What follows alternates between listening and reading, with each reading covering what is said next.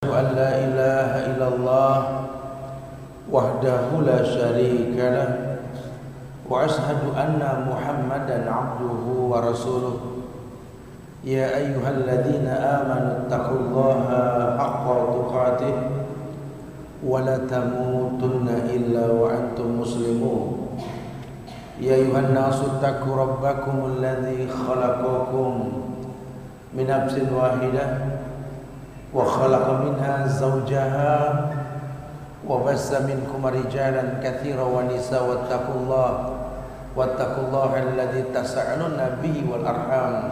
إن الله كان عليكم رقيبا. يا أيها الذين آمنوا اتقوا الله وقولوا قولا سديدا. يصلح لكم أعمالكم ويغفر لكم ذنوبكم. وما يطع الله ورسوله فقد فاز فوزا عظيما. أما بعد فإن أحسن الكلام كلام الله وخير الهدى هدى محمد صلى الله عليه وسلم وشر الأمور محدثاتها وكل محدثات بدعة وكل بدعة ضلالة وكل ضلالة في النار. Ma'asyiral muslimin wal muslimat. Sedang majelis yang semoga Allah muliakan dunia dan akhirat. Mobil khusus uh, takmir masjid para asatid, para asatizah, para alim ulama, para staf pemerintahan yang mudah-mudahan Allah selalu berikan keistiqomahan dalam agama.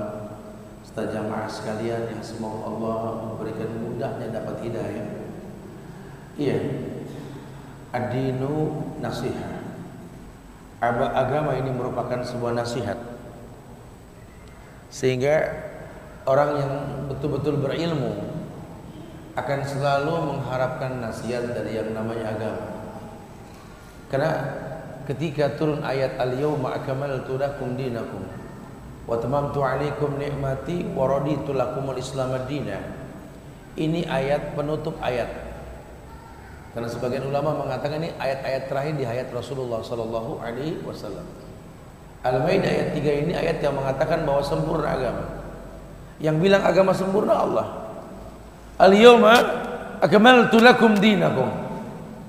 Pada hari ini kusempurnakan bagimu agama ya Muhammad. Yang bilang agama sempurna ya Allah yang punya agama. Wa atmamtu alaikum ni'mati kusempurnakan nikmatku atasmu waraditu lakumul islam adina aku reda Islam sebagai agama. Nah makanya kalau Allah ridho Islam sebagai agama ulama yakin dan sepakat dengan hadis yang mengatakan ad-dinu nasihat agama merupakan sebuah nasihat. Dalam agama ini kita diperintahkan untuk berilmu sebelum beramal Salah satu dampak ilmu sebelum beramal adalah amal bisa mendatangkan ampunan Allah. Makanya beliau pernah bersabda As-salawatul khams wal jum'ah ilal jum'ah wa ramadan ila ramadan mukaffarat ma bainahunna idza kaba'ir. As-salawatul khams Salat lima waktu yang kita lakukan kalau berilmu melakukannya dari mulai wudhu yang bagus, rukun niat yang rapi, tumak nina dia miliki, Allah jadikan salat yang lima waktu ini betul-betul penghapus dosa. Zuhur sampai asar, asar sampai maghrib, maghrib sampai isya, isya sampai subuh, subuh balik lagi ke zuhur. Jeda di antara sholat tersebut mukafarat menghapus dosa. Wal jum'ah ilal jum'ah. Ini Jumat nih. Dari khutbah, dari kita sholat, ketemu Jumatnya akan datang. Kalau betul yang kita lakukan pun menghapus dosa. Sebentar lagi, wa Ramadan ila Ramadan. Ramadan hingga Ramadan yang akan datang setahun mukaffarat ma bainahunna idza tunibatil kaba'ir merupakan penghapus dosa selama kita enggak berbuat dosa besar Jadi memang indah sekali Islam menjanjikan kemuliaan. Buat orang yang berilmu dia tahu. Oh kalau begini semua ibadah ini menjemput taubat. Iya. Semua ibadah mentazkiyah diri sepelakunya. Iya. Bahkan seorang murid bertanya kepada gurunya dijawab, "Wahai Syekh, apakah mentazkiyah diri mengkritisi diri ini memiliki cara-cara khusus.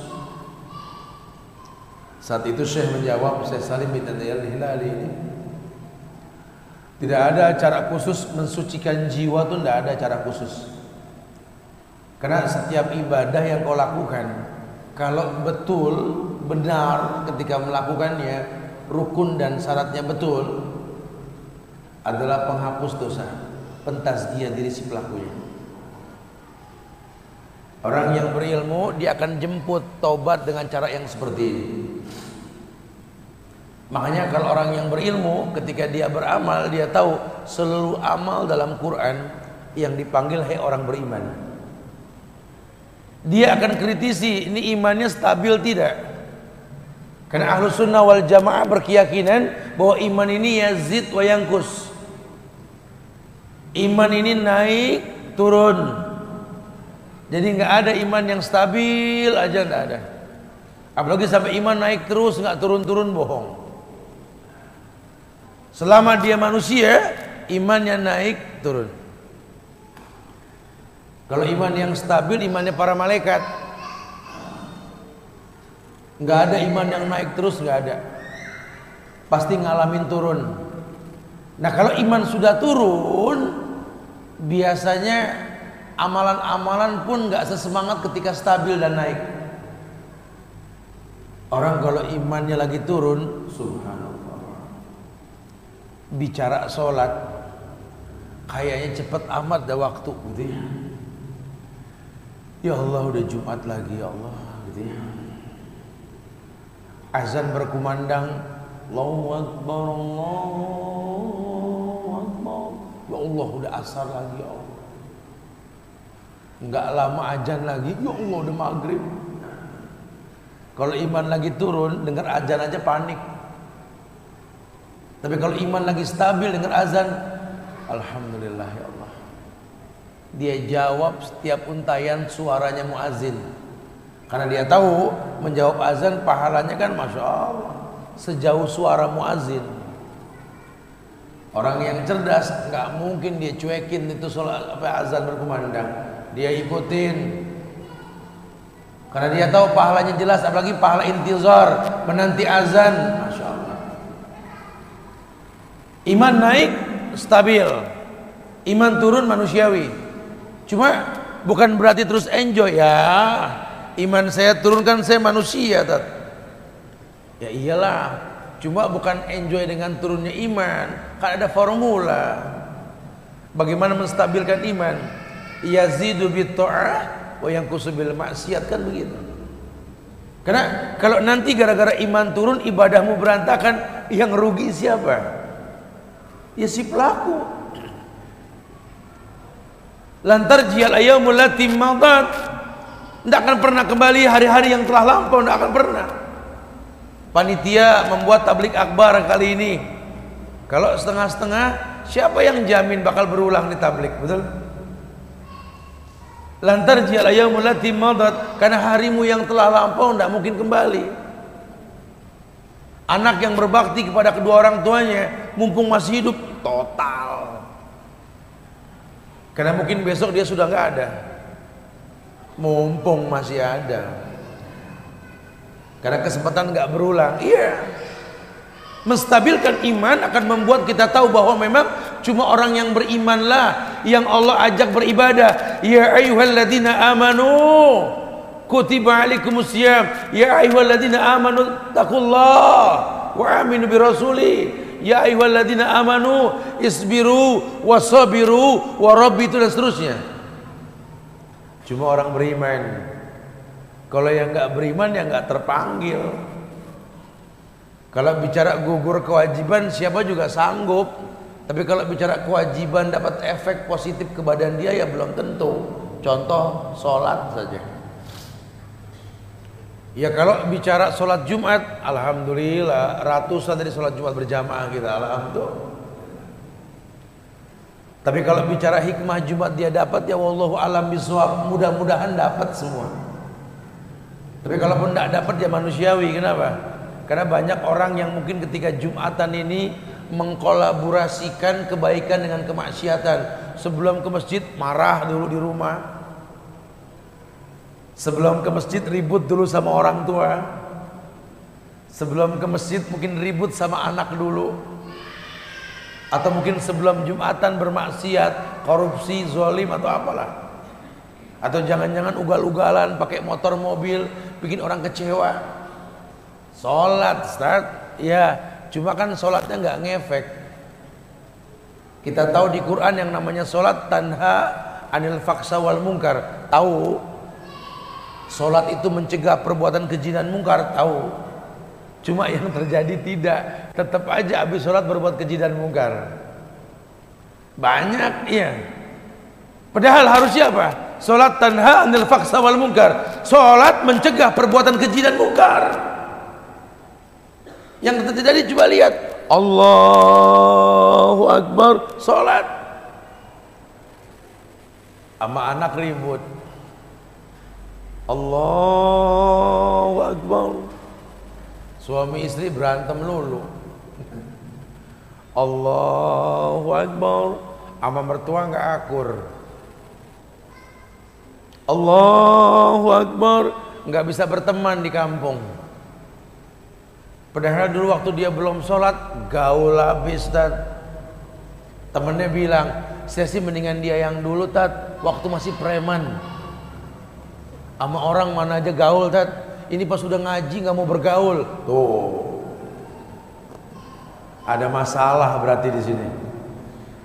Orang yang soleh orang yang mengamalkan amal diperintahkan sama Allah harusnya jadi baik loh setelah beramal soleh loh. Karena tidaklah setiap ibadah yang diperintahkan pasti mendatangkan kebaikan buat yang melakukan. Iya harusnya. Tadi dicontohkan di atas mimbar tentang empat kerusakan yang kita lakukan ini membuat ujian hidup nggak beres-beres. Sallallahu alaikum zullan. Kalian terselubung dengan permasalahan yang tak kunjung reda dan selesai. Hatta tarju ila dinikum kata Rasul sampai kalian balik ke agama kalian. Perintah bertobat. Ya kaum istaghfiru rabbakum summa tubu ilaih yumati'kum mata'an hasanan. Ya kaum wahai kaumku ya kaum istaghfiru rabbakum. Mohon ampunlah sama Rabb kalian. Kenapa mesti Rabb? Bukan Allah start kalimatnya. Istaghfirullah. Kenapa istaghfiru rabbakum? Karena Rabb ya rubu yang mencipta kamu dengan proses. Kesalahan yang kau lakukan kadang-kadang dalam proses. Jatuh bangun kita buat jadi orang baik. Betul Beratnya jadi orang baik Ustaz. Ya Allah berat sekali. Jadi orang baik aduh Masya Allah. Cuma lebih berat lagi Ustaz mempertahankan kebaikan tersebut loh Kita tobat, kita berubah demi Allah. Berat Ustaz. Setelah berubah Jauh lebih berat Ustaz. Ya Ini nggak gampang orang berubah. Setelah berubah ujiannya berat Orang menganggap kalau dia sudah berubah dia nggak diuji. Allah jelaskan di Al-Ankabut ayat 1 hingga 3 itu. Alif Lam Mim. Ahasiban nasu ayutraku ayyakulu amanna wa hum la yuftanun. Ya. Alif Lam Mim. Cuma Allah yang tahu. Ahasiban nasu ayutraku ayyakulu amanna wahum la yuftanun. Apakah manusia mengira kalau seandainya mereka sudah beriman, mereka tidak diuji? Allah uji orang sebelum mereka. Allah uji orang sebelum mereka. Ya'lamanal kadzibin. Allah uji orang sebelum mereka, orang yang beriman, orang yang paling berat ujiannya. Kan ujian yang paling berat ujian para nabi dan rasul. sahabat tabiin, tabiut tabiin, ulama, orang-orang soleh, baru kita kali yang paling bawah. Mereka diuji sama Allah, tapi mereka pandai menjemput taubat. Ujian mendatangkan kehusuan. Gara-gara ujian dia introspeksi diri. Orang kalau nggak diuji nggak introspeksi. Sampai kadang-kadang orang kalau lagi pegel sama anak, ya Allah salah apa aku ya Allah gitu ya. Kalau tidak ada masalah, tidak ada keluh kesah sudah. Dia punya masalah. Saya suka, pakai contoh yang gampang. Di beberapa kajian YouTube itu diajarkan bahwa kita kalau anak masih lucu-lucu, mau berisik mau apa, nggak ngaruh lucu anak. Betul. Anak gedean dikit kalau berisik ngamuk kita betul. Anak kecil numpain makanan, numpain minuman, udah lucu aja. Tapi nanti ketika anak sudah dewasa, mulai bikin pegel mata, pegel hati, waktu zaman masih anak-anak, senakal-nakalnya anak, doa kita, Rabbi habli minas solihin. Enggak ada bobot. Enggak berbobot Tapi nanti ketika anak sudah dewasa, mulai nguji kita. Bikin pegel mata, pegel hati. Dipanggil nggak nengok. Disuruh nggak nurut. Giran temennya yang manggil ngebut langsung pegel kan tapi karena bapaknya orang beriman tetap doanya nggak berubah cuma ekspresinya aja yang tadinya Rabbi habli minas solihin sekarang Rabbi habli minas solihin ya Allah ya Allah ada gregetnya gitu loh karena apa? diuji kalau tidak diuji dah husu ya kayak anak orang tua Zaman orang tuanya masih keker, nggak ngerepotin, seringan di luar. Ayah kita kan berangkat pagi pulang sore dulu. Sekarang sudah pensiun, kita sudah dewasa. Ayah pun sudah nggak kerja di rumah muter. Lawang biasa sibuk dan tidak sibuk, ya semua disebut, betul. Zaman ayah masih muda dulu, kita anak doain orang tua, Rabbi Fili, wali wali daya, warhamhuma kama rabbayani shaghira. Enggak ada bobot. Nanti orang tua sudah bikin pegel mata, pegel hati ya. Mulai cerewet, galak nggak ada juntrungannya. Mulai nimbrung ke masalah rumah tangga, ngedidik cucu, Masya Allah. Dua kita mulai Rabbi firli wali wali daya ya Allah ya Allah. Wali wali daya, wali wali daya ya sampai agak gimana gitu. Itu terjadi bukan tidak, ya. Allah uji. Alam ya'ni lil ladzina amanu an takhsha'a qulubuhum li dzikrillah wa ma nazzala minal haq. Lihat. Allah uji mereka. Ujian mereka mendatangkan kebaikan. Allah berikan kebaikan dia. Inna Allah idza ahabba kauman ibtalahum. Karena cara Allah begitu. Allah kalau suka sama satu kaum, Allah uji. Makanya ujian menjadi sebuah formula kebaikan untuk siapa? Orang beriman. Orang yang beriman tahu sekali. Makanya menstabilkan iman ini nggak bisa. Nah, metode penjemputan taubat kata ulama yang pertama, yuk rapikan iman kita. Jangan-jangan kita cuma orang yang ngaku beriman. Tapi setelah dikritisi iman kita berantakan. Ya. Iman itu kan kata ulama keyakinan dengan hati yang diucapkan dengan lisan dibuktikan dengan perbuatan itu iman. Kok teorinya sih begitu Ustaz? keyakinan dengan hati yang diucapkan dengan lisan dibuktikan dengan perbuatan. Iya Ustaz. Tapi kadang-kadang hati ini yakin Ustaz. Mulut pun berucap cuma melakukannya berat. Kadang-kadang saya berucap saya berbuat cuma saya nggak yakin. Yakin? Saya juga berbuat cuma saya nggak bisa berkata-kata Ustaz Berarti imannya nggak stabil dong, nggak stabil. Istighfar tiap hari, Ustaz. Saya tiap hari astagfirullahaladzim, astagfirullahaladzim. Tapi kayak nggak ada solusi, iya.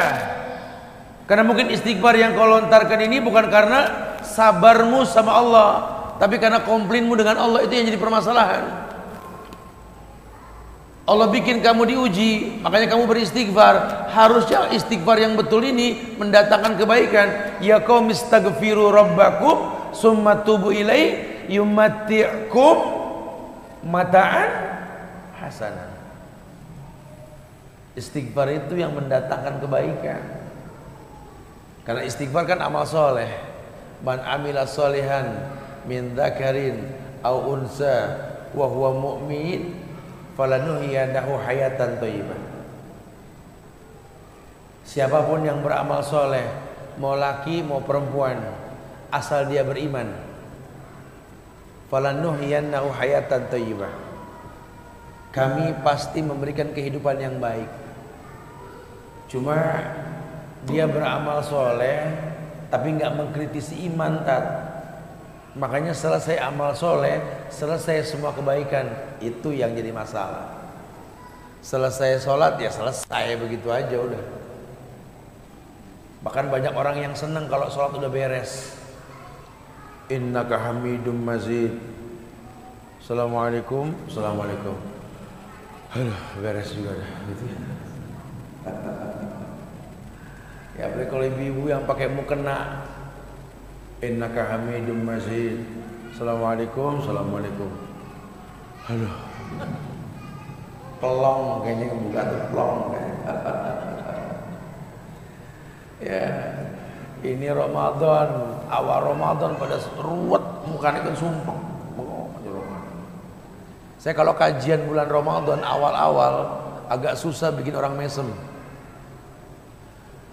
Apalagi yang namanya pagi Ramadan, astagfirullahaladzim. Tapi kalau nanti menjelang berbuka baru enak kajian. Karena janji indah. Lisoi farhatan yafrahuma. Fariya idha aftara. Fariya idha laki ya rabbah. Orang puasa punya dua kemuliaan. Kemuliaan yang pertama apa? Ini berbahagia ketika menjelang berbuka. Makanya kalau kajian menjelang berbuka asik daripada ngabuburit buang-buang waktu mendingan bikin kajian menjelang berbuka. Tapi ingat Ustadz harus paham menjelang berbuka menjelang berbuka itu tempat mustajab untuk berdoa. Kalau bisa jangan sampai bablas ajan. Supaya orang bisa berdoa. Karena doanya puas, orang puasa itu mustajab. Silakan. Kalau kajian pagi berat iya berat karena bahagianya orang yang puasa menjelang berbuka iya. Tapi nanti kalau udah menjelang Idul Fitri semua muka bagus. Tidak ada masalah Bagus semuanya. Iya, itu melambangkan iman kita turun. Karena lebih senang ibadah selesai ketimbang baru mulai. Bukan berarti nggak senang kalau ibadah selesai, ya boleh. Tapi kalau bahagia ditinggal ibadah ini yang jadi masalah. Orang-orang soleh bicara Ramadan, itikaf.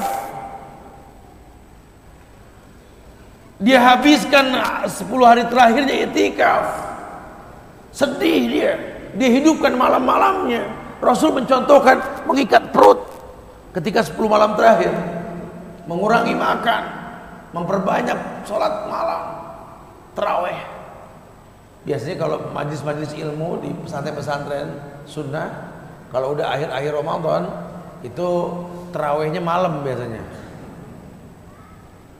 Ya, sekalian tahajud atau terawihnya dijadikan tahajud karena lebih khusyuk, dapat keuntungan yang banyak. Wah, bahwa yang namanya malam itu dihidupkan dengan baca Quran ya. Iya, imannya stabil. Banyak orang yang melakukan aktivitas yang baik yang Allah perintahkan Nabi contohkan semua ibadah. Kalau iman yang stabil, efeknya positif. Yang jadi permasalahan ketika iman ini turun, Ustaz. Ibadah pun enggak dilakukan, waktu enggak berulang. Bagaimana cara kami bertobat? Cara yang pertama ulama ajarkan, yuk revisi imanmu. Agak susah nih. Lah kan dia maksiat, Disuruh rapin iman yang nggak bisa kalau nggak tobat dulu Ustaz. Iya. Makanya perlu kita mencontohkan, membuat lingkungan, kondisi kota, desa, negeri yang mendidik. Ini pemandangan indah sekali loh. Ya. Kami dari apa? Dari Tuban tadi menuju tempat sini, masya Allah. Sisir pantai indah ini betul-betul ya. Ini kalau di Sumatera ini kayak di Solok ini kayak apa uh, uh, pinggiran danau Singkarak mirip ini. Tinggal fenomenanya ini jangan cuma alam tapi pancing orang bertasbih ketika melihat alam. Karena sunnah. Orang melihat sesuatu yang menakjubkan berkata apa? Rabbana ma khalaqta hadza batilan subhanaka fakina adzabannar. Waduh kalau bisa rutin kita berjumpa, saya pengen gonggong ini nih baliho yang banyak yang sifatnya ngedidik sampai lokasi sini. Ajakan berbuat baik sebelum iklan rokok yang masuk ya. Sebelum iklan-iklan yang negatif, yuk iklan yang baik, ajakan ke akhirat. Sehingga orang mau bermaksiat di pinggir pantai juga malu bacaannya ingat Allah Firman Allah inna alaikum lahafizin kiraman katibin ya'lamuna ma taf'alun. Betapa indah ayat yang mengatakan bahwa di kiri kananmu ada dua malaikat yang mencatat tahu semua yang kau perbuat. Orang mau dosa juga astagfirullah. Aamintum man fis sama ayursila alaikum hasiban fasata'lamuna kaifa nadhir mau bikin dosa di kebun juga baca tulisan. Apa kalian merasa aman dengan Allah yang di langit?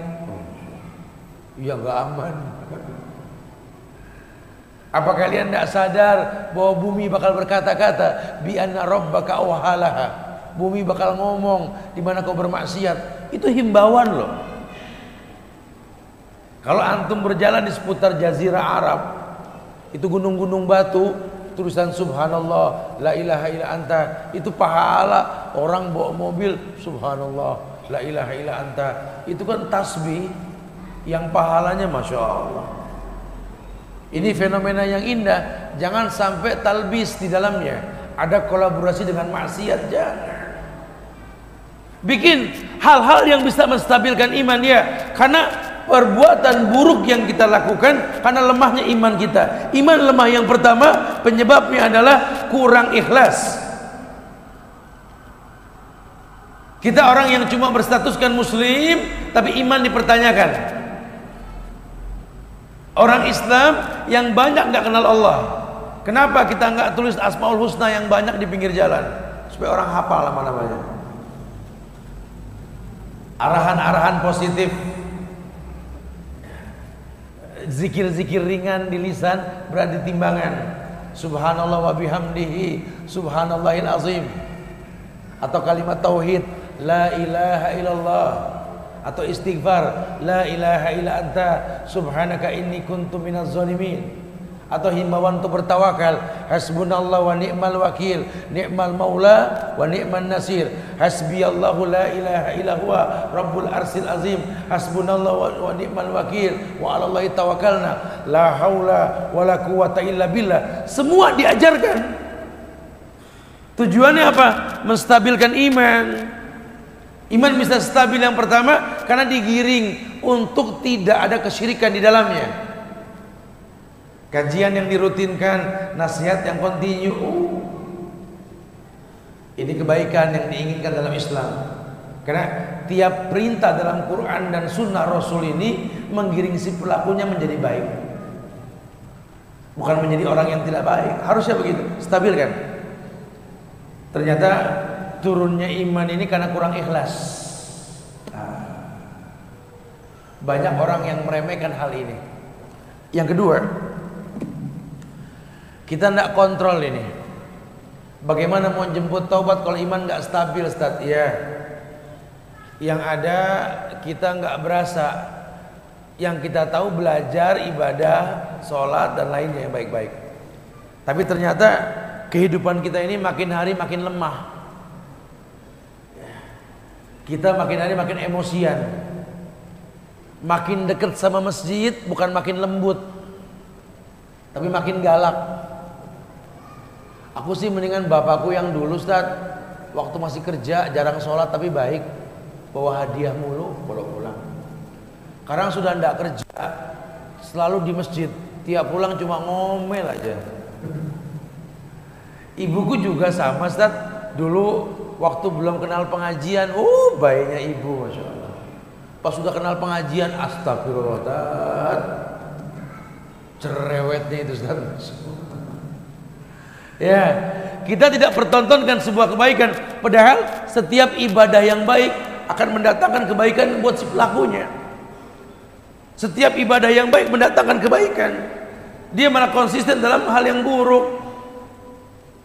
Saya sampaikan di beberapa kajian mengabarkan tentang harusnya orang kalau sudah beriman dan baik dalam beramal soleh, man amila solihan min dzakar aw unsa wa gitu ya harusnya menjadi orang-orang yang layak menjadi penghuni sorga. Harusnya. Tapi yang terjadi tidak. Setelah beriman setelah beribadah malah karakter penghuni sorga nggak dia miliki. Di Islam tuh diperjelas tentang karakter tersebut. Orang kalau bagus agamanya bagus ibadahnya punya karakter penghuni sorga kebalikannya. Orang kalau berbuat maksiat memiliki karakter penghuni neraka. Karena setiap kemaksiatan ujungnya neraka. Setiap kebaikan ujungnya sorga. Bukan berarti kalau dia maksiat terus mati masuk neraka. Enggak. Mungkin dia masih hidup panjang umurnya. Bukan berarti kalau dia sudah berbuat baik terus dia mati masuk neraka. Belum tentu. Kadang-kadang habis berbuat baik masih panjang umurnya Maksudnya bagaimana Ustaz? Maksudnya ya orang yang berbuat dosa, berbuat maksiat, mungkin dia nggak mati, tapi dia malah memiliki karakter penghuni neraka. Itu yang dimaksud. Makin banyak dosa maksiat, makin keras hati kita loh. Baron ala kulubihim. Makin tebel nih apa hitam dalam dada kita, dalam hati kita. Makin susah berbuat baik, iya. Orang mungkin lihat ini orang makin jauh dari kebaikan, makin sukses hidupnya, iya. Cuma makin berat melangkah pada kebaikan. Tapi lihat, lihat, lihat, lihat. Terkadang Allah uji orang dengan kemiskinan, malah nggak berat. Kemiskinan mendekatkan dia sama Allah. Ini orang zaman senang, tat nggak sholat. Nunggu susah dulu baru sholat. Lihat, berubah manusia jadi buruk karena nikmat dunia. Berubah manusia jadi baik karena ujian di atas dunia. Iya. Makanya ini bukan hadis sahih, cuma sahih fil makna. Ulama mengatakan ad-dunya sijnul Ad-dunya sijnul mu'min. Dunia ini penjara buat orang beriman. Orang beriman ya di dunia kayak di penjara ada batasnya semua nggak bablas. Uh, tidak bablas dia tahu sekali. Oh saya akan coba fokus tak berarti kalau saya berbuat maksiat makin buruk tingkah laku saya. Iya hati kita makin buruk iya. Tapi kebalikannya kalau saya berbuat baik Allah jadikan saya penghuni surga iya. Kalau boleh tahu Ustaz adakah tanda-tanda karakter penghuni surga Ustaz Ya Rasul mengatakan penghuni sorga itu yang pertama karakternya itu koribin apa? Koribin Koribin Gampang akrab. Iya karena modal iman modal Islam fleksibel. Kan Islam rahmatan lil alamin. Maka orang Islam ini juga rahmat untuk alam Jadilah orang yang kalau kita datang orang seneng. Ya. Nggak usah jauh-jauh ke orang tua aja dulu deh. Ke istri, ke suami, ke anak aja dulu. Bisa gak kalau kita datang tuh orang tua kita, ya Allah, dia datang pak, alhamdulillah, ah berhasil jadi anak. Pulang ke rumah, istri berseri. Waalaikumsalam ya Allah Pak baru balik ya. Aduh senangnya Bapak pulang. Nah, berhasil. Ibu pulang, anak, Pak mau pulang. Yes, mau pulang. Ya Allah mau pulang lama apa sih mak? Senyum yang nyambut. Berhasil jadi istri. Tapi kalau orang tua udah pucet, ada apa ya bu ya? Pak, anak itu mau pulang kan? Ya ada pulang juga ya Allah. Udah mendingan balik, jangan mendingan balik, jangan usah pulang. Orang rumah gitu tiap kita datang pucet, bapakmu mau datang nak, ya Allah dia datang nak, nak, nak. Bapak gagal jadi bapak.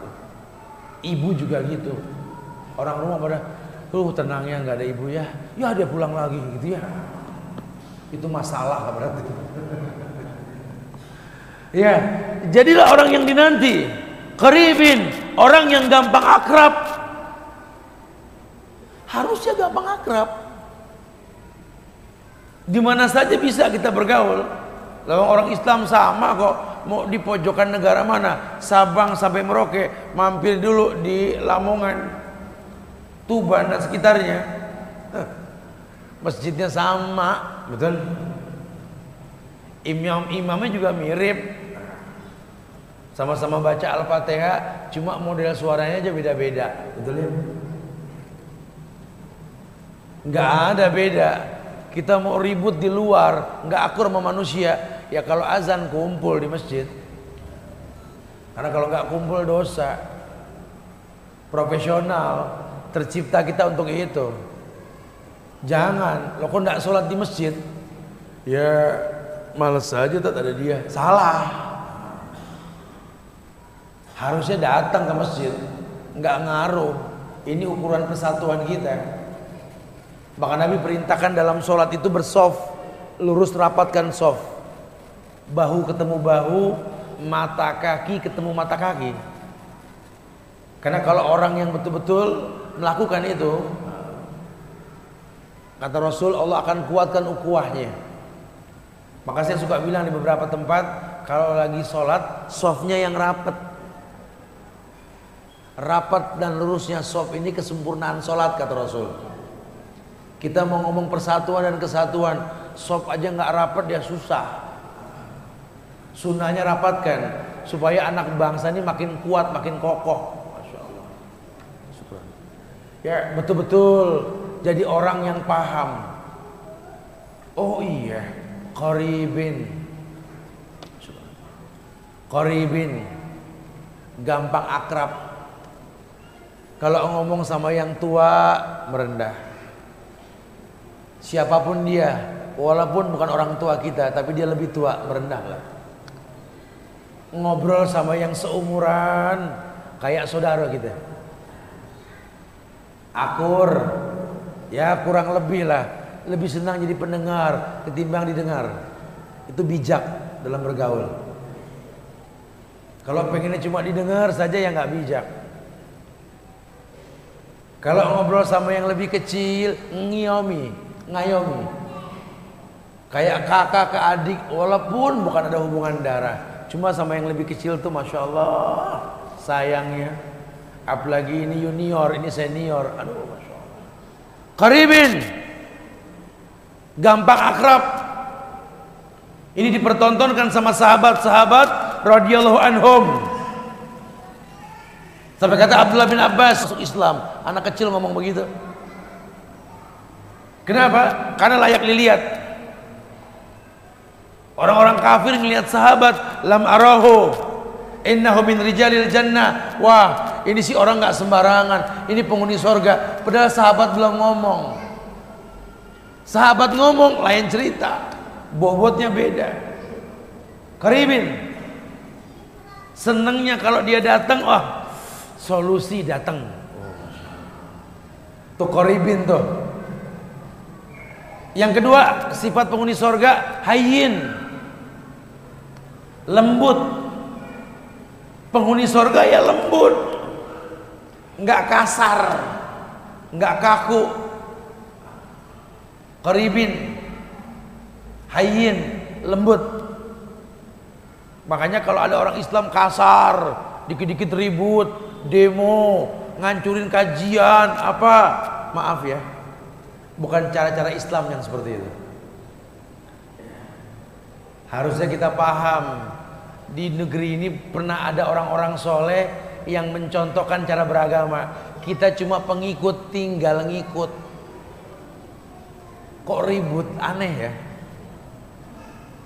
Kalau ndak ribut Nahdlatul Ulama sama Muhammadiyah sama Persis, Alirsat dan sebagainya. Padahal kalau tarik benang ke belakang, pendiri-pendiri mereka ulama hebat. Respect kepada Hadratus Syekh Hasim As'ari. Semoga Allah selalu muliakan beliau. Lapangkan kuburnya, awetkan ilmunya, kepake di mana saja. Subhanallah. Allah jadikan makamnya pangkam makam lubang-lubang surga pendiri Nahdlatul Ulama yang karenanya Belanda ini kabur dari Indonesia. Punya murid hebat yang namanya Jenderal Haji Nur Ali. Itu yang musir Belanda dari Kerawang Bekasi itu. Murid dari Hadratus Syekh. Kita pernah punya Kiai Haji Ahmad Dahlan. Yang kalau antum belajar sejarah, ini ketemu nih saudara ini berdua. Baca sejarahnya. pendiri Muhammadiyah banyak pembaharu-pembaharu datang melalui Muhammadiyah berdiri untuk mengusir Belanda. Lihat perjuangan beliau sampai ke desa-desa lihat. Kita pernah punya Ahasan dari Bangil pendiri Persis itu. Semoga Allah muliakan beliau. Lapangkan kuburnya panjangkan kebaikan. Ini panutan kita semua loh. Ulama-ulama hebat. Ponorogo, Gontor, berdiri Asahal, Jarkasi, Fannani sejak 1927. Kita pernah punya host Umar Cokro Aminoto yang mendakwakan agama ke parlemen. Lihat jebolannya orang hebat semua. Kita pernah punya Haji Agus Salim, Buya Hamka, Muhammad Nasir, Tuanku Imam Bonjol, Sultan Hasan Nujid. Kita pernah punya orang-orang soleh yang tidak ada sejarahnya sejak zaman Belanda. Islam sama Islam ribut, tidak ada. Provokasi musuh-musuh Islam tahu hancurnya Indonesia ini karena dibikin bersuku-suku.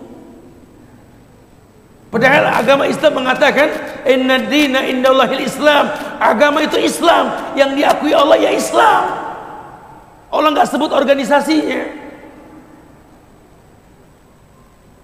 Makanya kalau saya lagi keliling ke beberapa negara di luar Indonesia ini suka senyum sambil menangis saya. Ya Allah, ya. ngelihat teman-teman di Hong Kong kemarin itu ya dari organisasi yang berbeda di Indonesia bergandeng tangan sholat berjamaah di masjid. Masya Allah. Nggak berlaku perbedaan mereka di Indonesia tuh. Di luar negeri akur mereka. Nggak terprovokasi harusnya begitu. Kenapa? Karena agama yang membuat manusia mulia. Menjadi manusia yang lembut. Hayin. Ini karakter penghuni sorga.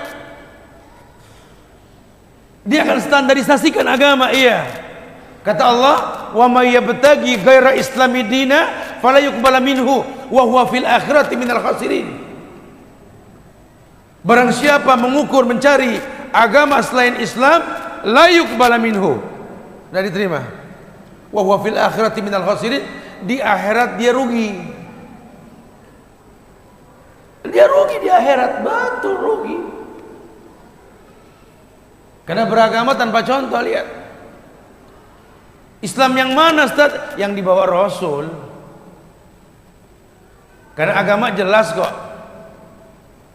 Beliau pernah menggaris sebuah garis lurus di tanah dan membuat garis yang banyak di kanan dan kiri. Beliau pernah bersabda,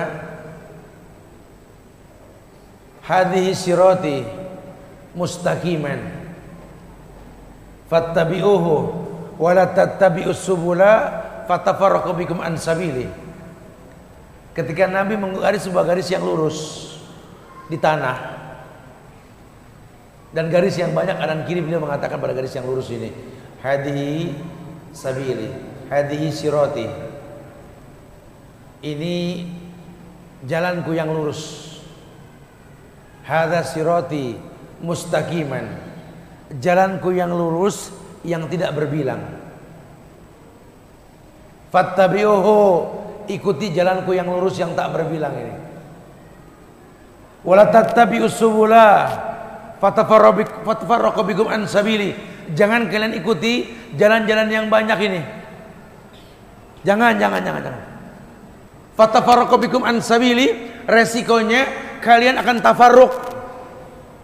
Berfirqah-firqah, tafarruq kalian. Ini bahaya sekali ya. Berarti standarisasinya apa? Yuk orang Islam belajar Islam dengan benar. Supaya kalaupun terjadi perbedaan, penghuni sorga menyikapi dengan hayyin, dengan lembut.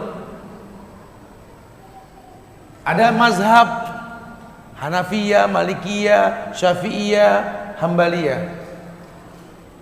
Pegang mazhab satu saja sebenarnya akan terbuka semuanya. Kita orang Indonesia, Syafi'iyah, betul? Kita akan tahulah Syafi'iyah ini Imam Syafi'i punya murid namanya Ahmad bin Hambal yang mazhabnya Hambaliyah. Imam Syafi'i punya guru yang namanya Malik Malikiyah. Imam Malik punya teman yang namanya Abu Hanifah Hanafiyah. Kalau kita mau belajar nggak ada masalah sebenarnya. Beda Ustaz. Beda. Kalau Imam Syafi'i wudunya tiga kali tiga kali Ustaz. Kalau Imam Malik ini cuma sekali Ustaz. Malikiyah ini. Ya iyalah. Antumnya nggak paham. Imam Malik mengatakan wudhu sekali di mana? Di Madinah. Beliau imam Darul Hijrah. Beliau berijtihad karena Madinah tidak ada air. Susah. Maka wudhu sekali diusahakan cukup. Tangan sekali, mulut sekali, hidung sekali, semua sekali. Lah kalau Imam Syafi'i tinggalnya di mana? Mesir. Yang sungainya berlimpah ruah. Wajar kalau tiga kali, airnya banyak. Itu ijtihad beliau. Tapi Imam Ahmad mengatakan kalau sekali bersih cukup. Tapi kalau tiga kali masih kotor, air banyak tambahkan. Hukum asalnya apa? Toharoh. Lihat bijaknya para ulama. Tapi Imam Syafi'i kan berkunut, Ustaz. Naam. Imam Syafi'i berkata, "Uhibbul kunut." Aku mencintai kunut. Cuma beliau nggak mewajibkan. Sehingga kalau beliau bertendang ke gurunya Imam Malik, beliau tidak berkunut, nggak ada permasalahan. Ijtihad bicara yang namanya traweh 11, 23 ribut setiap tahun. Karena kitanya jahil. Padahal ulama mana pun sepakat bahwa Rasulullah Shallallahu Alaihi Wasallam melakukan sholat tarawih 11 rakaat. Ulama mana pun sepakat melakukan 8 tarawih 3 witir. Tetapi di zaman Umar ibn Khattab, Abdurrahman bin Auf memimpin sholat tarawih dan Umar menyaksikannya 23 rakaat. Umar nggak menyalahkan, kenapa? Karena cara sahabat melihat tarawih minimal 11, maksimal tak terhingga. Karena alasannya apa? Salatul lail masna masna. Imam Syafi'i pun mengatakan sholat terawih dua dua dua terus. Selesai. Kalau kita mau belajar. Tapi ada yang empat empat tiga Ustaz pun tidak mengapa karena ada hadis dari Aisyah yang menyaksikan Rasul melakukannya arba arba. Maafi muskilah. Kebayang tidak? Karena kita nggak menuntut ilmu, masalah furu'iyah menjadi putus hubungan. Makanya hilanglah kemuliaan rezeki. Padahal ada hadis yang mengatakan man aroda ayub satu fi rizki wa yunsa'alahu fi asarihi falyasil rahimahu. Orang yang pengen dipanjangkan umurnya, disehatkan badannya, dibanyakan rezekinya, sambung tali silaturahmi. Islam solusinya. Azan berkumandang, yuk kumpul, yuk sholat. Kegiatan apa pun yang positif, ayo kumpul. Mumpung masih bisa kumpul. Ini yang dikatakan hayin. Karakter kedua hayin, lembut. Karakter yang ketiga sahlin. Penghuni surga punya sifat sahlin, mudah, tidak ruwet. Tidak ada. Kumpul nih di masjid nih. Ya yang namanya nggak ada ngatur sendal, kalau keluar pasti berebut banyak kepental itu sendal gitu ya. Nggak jadi emosi. Ya wis lah santai aja lah orang habis kumpul-kumpul kan. Dibawa asik. Orang salah paham nggak gampang kepancing. Nggak gampang dimobilisir emosinya. Kenapa? Karena punya karakter mudah jadi orang yang mudah tuh tiga karakter penghuni sorga Koribin, hayin, sahlin. Ukur deh ibadah kita sudah mencapai tingkat itu atau belum. Karena kalau tidak nanti jangan cuma sekedar gugur kewajiban. Udah sholat kok masih begini, udah begini kok masih begini. Ada yang salah. Atau mungkin kita nggak itiba sama Rasul. Atau kita berbuat syirik, wallahu alam. Makanya penting nih mendalami bab ini nih. Yang mengerti tentang la ilaha illallah itu punya rukun nafi wal isbat. Nafi hilangkan ilah illallah isbat. Tetapkan hanya Allah. Berarti kalau orang paham tentang la ilaha illallah konsekuensinya sebelum dia berkata Allah Tuhanku Allah Robku hapus Tuhan yang lain. La ilaha illallah sehingga orang Islam tidak ada kesyirikan maaf Orang Islam nggak percaya ajimat, aji-aji yang di rumah, nggak percaya. Orang Islam nggak percaya tatoyur, percaya fenomena alam. Rezeki rezeki itu tergantung tangan gatel. Maaf, orang Islam nggak kenal itu. Orang Islam nggak kenal kalau ada kupu-kupu mau ada tamu. Maaf, nggak kenal begitu. Atau suara-suara burung menandakan kematian. Maaf, Islam tidak kenal begitu. Islam tawakalnya tingkat tinggi. Mau ngelaut, nyari ikan, nggak perlu pakai ajimat. Apalagi pakai istilah-istilah sedekah bumi dan lainnya. Allahu Akbar. Inna ruko wat tamaim wat tiwala syirkun.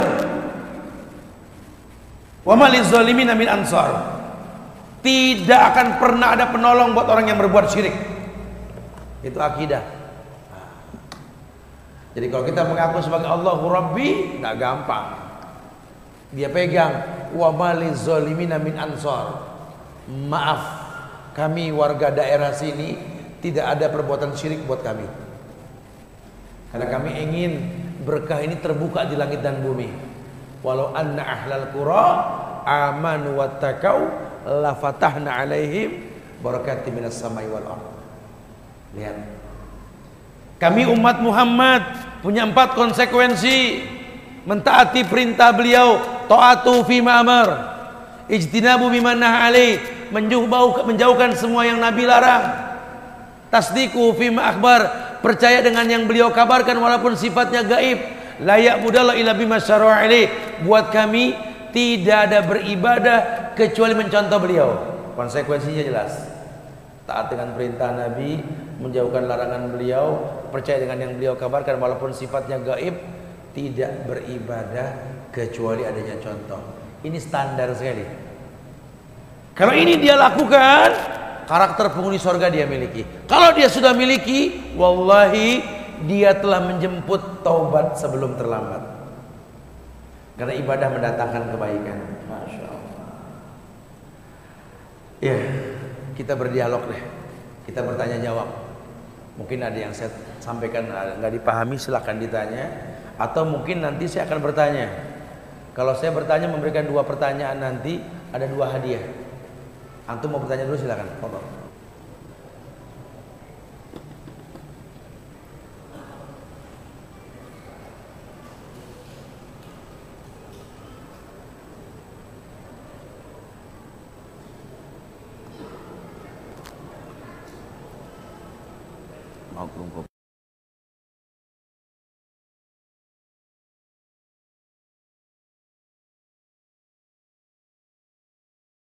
Iya. Ini mungkin memang pertanyaan kita nggak bisa banyak-banyak kayak ini, kan harus kembali ke Tuban lagi nih. Panitia mengatakan ada pembatasan, nanti dipilih yang sudah sama nggak dibaca. Fadhal, yang mana silakan.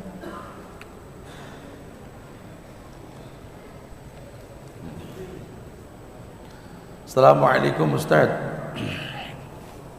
Mohon penjelasan Ustaz Apakah diterima taubat seseorang sesaat menjelang kematian saat sakratul maut? Ya Dikatakan bahwa Taubat ini diterima oleh Allah Sampai naza Sampai Napas di kerongkongan. Jadi kalau napas sudah di kerongkongan Sudah nggak diterima taubatnya. Ya, artinya sudah ajal menjemput dia karena nggak ada manfaatnya merujuk kepada apa yang dilakukan oleh Fir'aun. Makanya yang paling baik kita lakukan adalah untuk selalu menyisihkan waktu untuk saling menasehati watawaso haq watawaso karena kalau kita mengajak orang bertobat nggak bisa langsung dia bertobat juga. Kayak sekarang kita ngomong nih di masjid ada ceramah. Kadang-kadang hidayah datangnya di rumah. Maka yang paling baik ini yang paling baik bisakah kita menjadi orang yang betul-betul paham bahwa ternyata kebaikan yang dijanjikan ini uh, uh, ada proses dalam memahaminya gitu.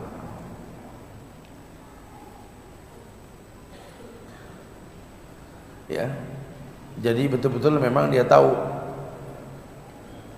tugas kita untuk saling mengingatkan jadi teman yang baik Almar'u ala dini khalili. Orang itu tergantung agama temannya. Teman yang baik, teman yang nggak bosan ngingetin. Sadiku kaman abkak laman adhakak. Temanmu, teman yang menangisimu bukan mentertawaimu gitu. Artinya sedih kalau temannya berbuat dosa dan maksiat. Nah. Assalamualaikum. Ada yang nanya sama saya, Ustaz. Allah itu maha besar. Tapi kenapa tidak terlihat, Ustaz? iya. Yang bilang Allah maha besar, ya Allah. Pun yang bilang Allah itu gaib tidak terlihat, ya Allah. Karena laisa kamislihi syai'. Allah enggak serupa dengan makhluk. Jadi Allah tidak seperti yang kita bayangkan. Sehingga kalau kita bayangin Allah itu besar terlihat, akhirnya kita bilang Allah kayak gunung nanti. Tidak. Allah kayak bulan, kayak matahari tidak. Allah ini lafzuz zalalah memiliki nama yang mulia yang wujudnya Allah tidak terlihat kecuali di akhirat nanti. Jadi memang Allah yang mengatakan seperti itu. Sehingga kita beribadah ini karena iman. Dan iman itu salah satunya meyakini yang gaib. Kita nggak ngelihat Allah, tapi kita yakin Allah melihat kita itu kan ihsan. Antak budallah ka'annaka tara, fa in lam takun tara walakin Allah yara.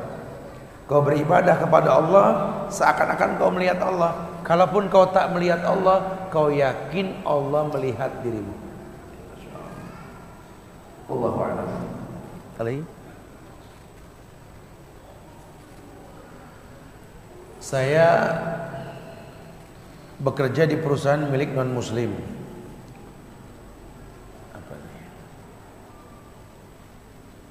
Saya berusaha mengumandangkan azan di jam 12.05 waktu zuhur 16.05 waktu asar agar karyawan bisa berjamaah namun direksi menolak ajan berkumandang. Apa yang harus saya lakukan sedangkan saya pernah menyampaikan ke keuntungan jamaah berjamaah. Eh itulah yang saya katakan tadi. Ini ujian-ujian yang selalu ada di negeri kita. Kita tinggal di negeri yang mayoritas Islam. Tapi banyak larangan-larangan tentang keislaman aneh sekali. Saya bicara saya pengajar di beberapa instansi di Jakarta. Saya pengajar di Mabes Polri, saya pengajar di KPK, di Kejaksaan Agung, di kementerian saya mengajar. Bahkan kajian-kajian kami disaksikan oleh para menteri yang hadir. Saya katakan sama mereka, wahai para pemimpin, Islam tawarkan yang murah. Anda pengen rakyat tidak berbuat keji dan mungkar, enggak usah turunkan aparat. Jangan pernah adu aparat dengan rakyat. Aparat sahabat kami rakyat, karena mereka dari rakyat.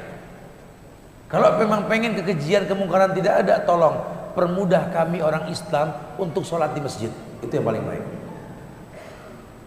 buat anggaran khusus negara untuk merapikan masjid. Makanya kalau kami bawel mengatakan gubernur itu harus Islam, karena melalui gubernur lah turun dana untuk masjid-masjid. Lah kalau masyarakat sudah susah sholat, ada masjid airnya susah, akhirnya nggak sholat, ya muskilah. WC tidak rapi, buangan najisnya nggak bener, Lam yastatiru min bauli susah pak. Turunkan dana mahal nggak ada gunanya. Bikin sabab datangnya kebaikan. Saya katakan seperti itu. Karena bangsa ini mulia dengan ibadah dan Tuhan kami yang berkata seperti itu. Walau anna ahlal qura amanu wattaqau la fatahna alaihim barakati minas samai wal ard. Berkah langit dan bumi akan terbuka kalau masyarakat beriman bertakwa rata yang mau nyalon lurah, yang mau nyalon camat, bupati, wali kota, tolong berpikir seperti ini. Tidak banyak biaya dikeluarin kalau rakyat sholatnya bagus. Apalagi orang laki mau mimpin rumah tangga, nggak usah dibawelin pak. Suruh sholat di masjid, jadi pemimpin yang soleh. Kalau laki sholat di masjid, pemimpin soleh, imam soleh, laki sholatnya di rumah soleha. Betul.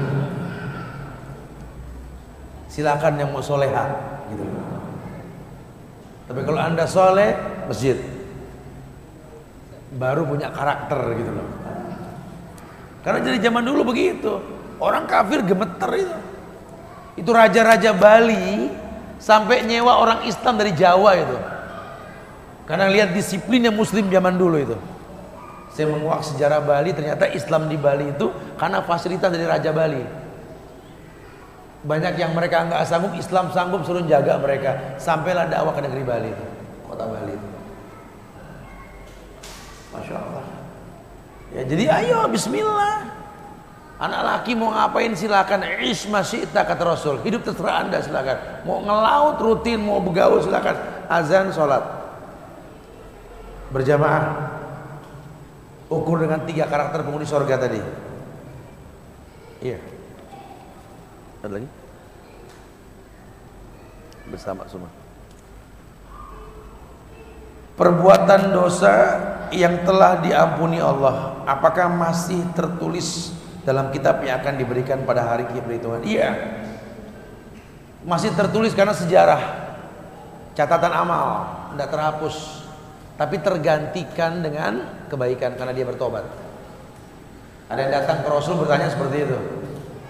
Saya pelaku maksiat, saya bertobat. Apakah Allah hapuskan dosa saya? Iya.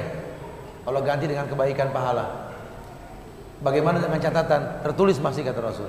Cuma tergantikan. Makanya berhati-hati. Ini hidup ini sejarah yang kita ukir. Oke. Saya akan coba berikan pertanyaan. Silakan yang mau menjawab. Yang pertama.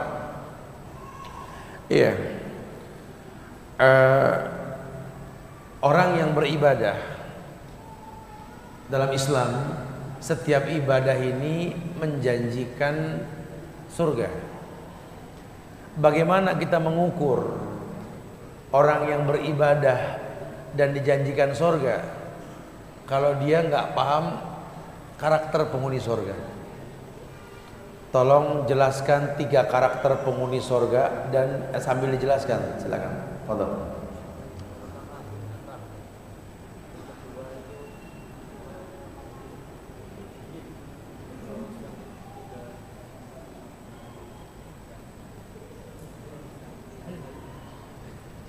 Lemah miskin.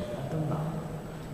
Pertama korifin, nama akrab, kedua hayyin lembut, ketiga saling mudah atau tidak Ada yang hafal sambil dijelaskan. Fadal. Antum. Diri nggak apa-apa, berani anak muda. Fadol.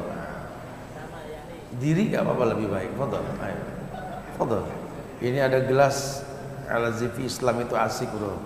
Mimpi jihad. Assalamualaikum warahmatullahi wabarakatuh. Waalaikumsalam Dalam beribadah semua umat manusia dijanjikan oleh pintu surga. Akan tetapi Allah Subhanahu wa taala atau Nabi Muhammad menjelaskan bahwa ada tiga sifat yakni manusia yang menjadikan manusia tersebut masuk surga. Yang pertama yakni gampang akrab, korin, yakni manusia itu termasuk makhluk sosial yang akrab, mudah akrab sesamanya. Oleh sebab itu Rasulullah menganjurkan kepada kita untuk mudah akrab terhadap sesama manusia. Yang kedua lembut, lembut atau hayyin. Lembut ini bermaksud sebagai sifat manusia yang mudah menerima ujian dari Allah Subhanahu wa taala dengan lapang dada dan penuh keyakinan bahwa Allah memberikan rezeki terhadap sesama.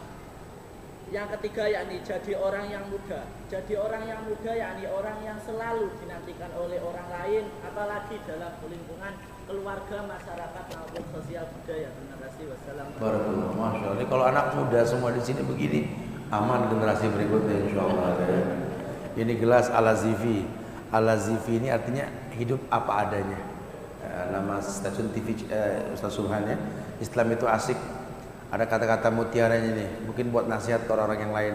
Mimpi jihad tapi sholat masih di rumah. Mujahid itu soleh, bukan solehah. Ya.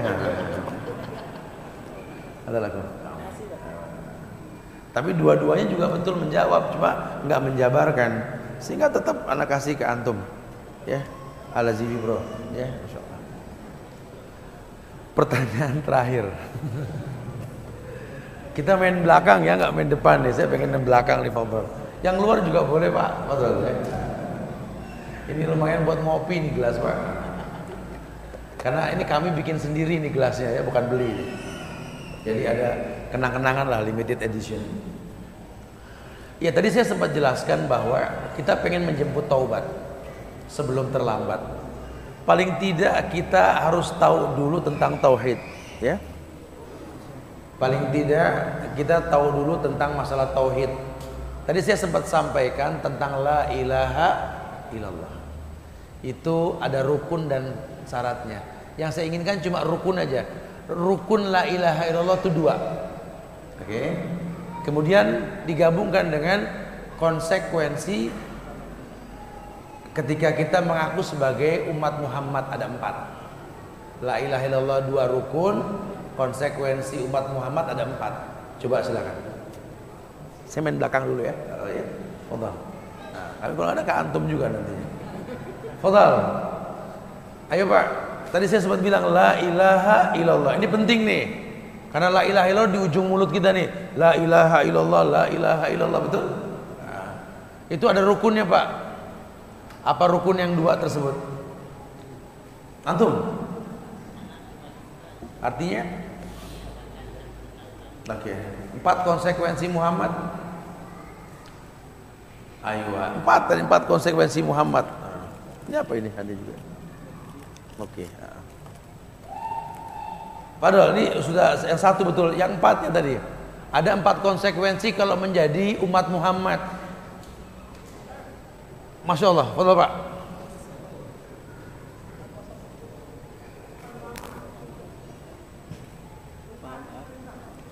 Masya Allah, terus. Ya. Masya Allah, terus. Masya Allah. Masya Allah. Ah, rukun la ilaha illallah tadi apa Pak? Dua Pak.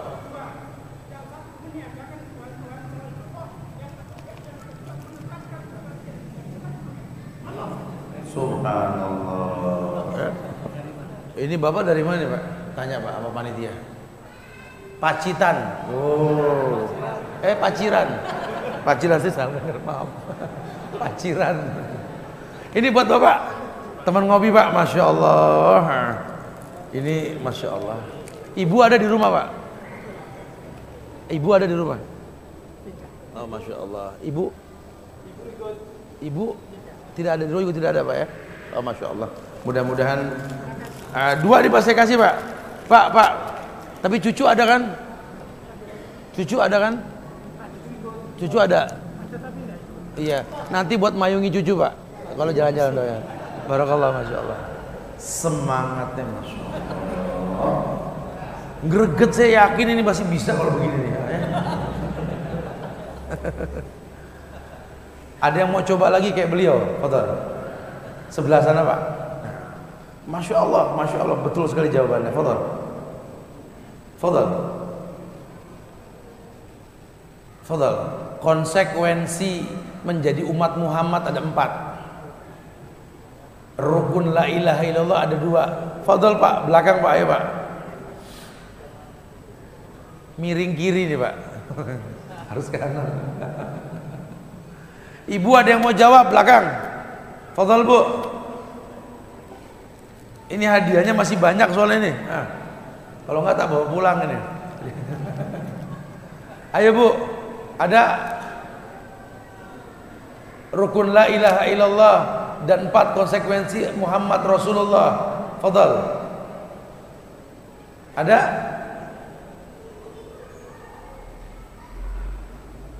Tidak ada? Khalas? Ya khair. Ada yang bisa mengulang di sini? Antum, maksudnya penasaran ya, Mas. Fadal antum. Dia yang tadi soalnya.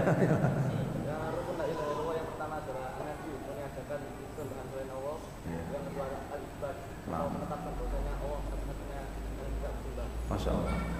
Ataupun konsekuensi menjadi umat Nabi Muhammad SAW yang pertama adalah menaati apa yang diperintahkan oleh Nabi, yang kedua adalah menjauhi larangan Nabi, Iya. yang ketiga adalah membenarkan semua kata Nabi baik itu yang goib maupun yang goib, dan terakhir adalah ibadah dengan apa yang ibadah kita.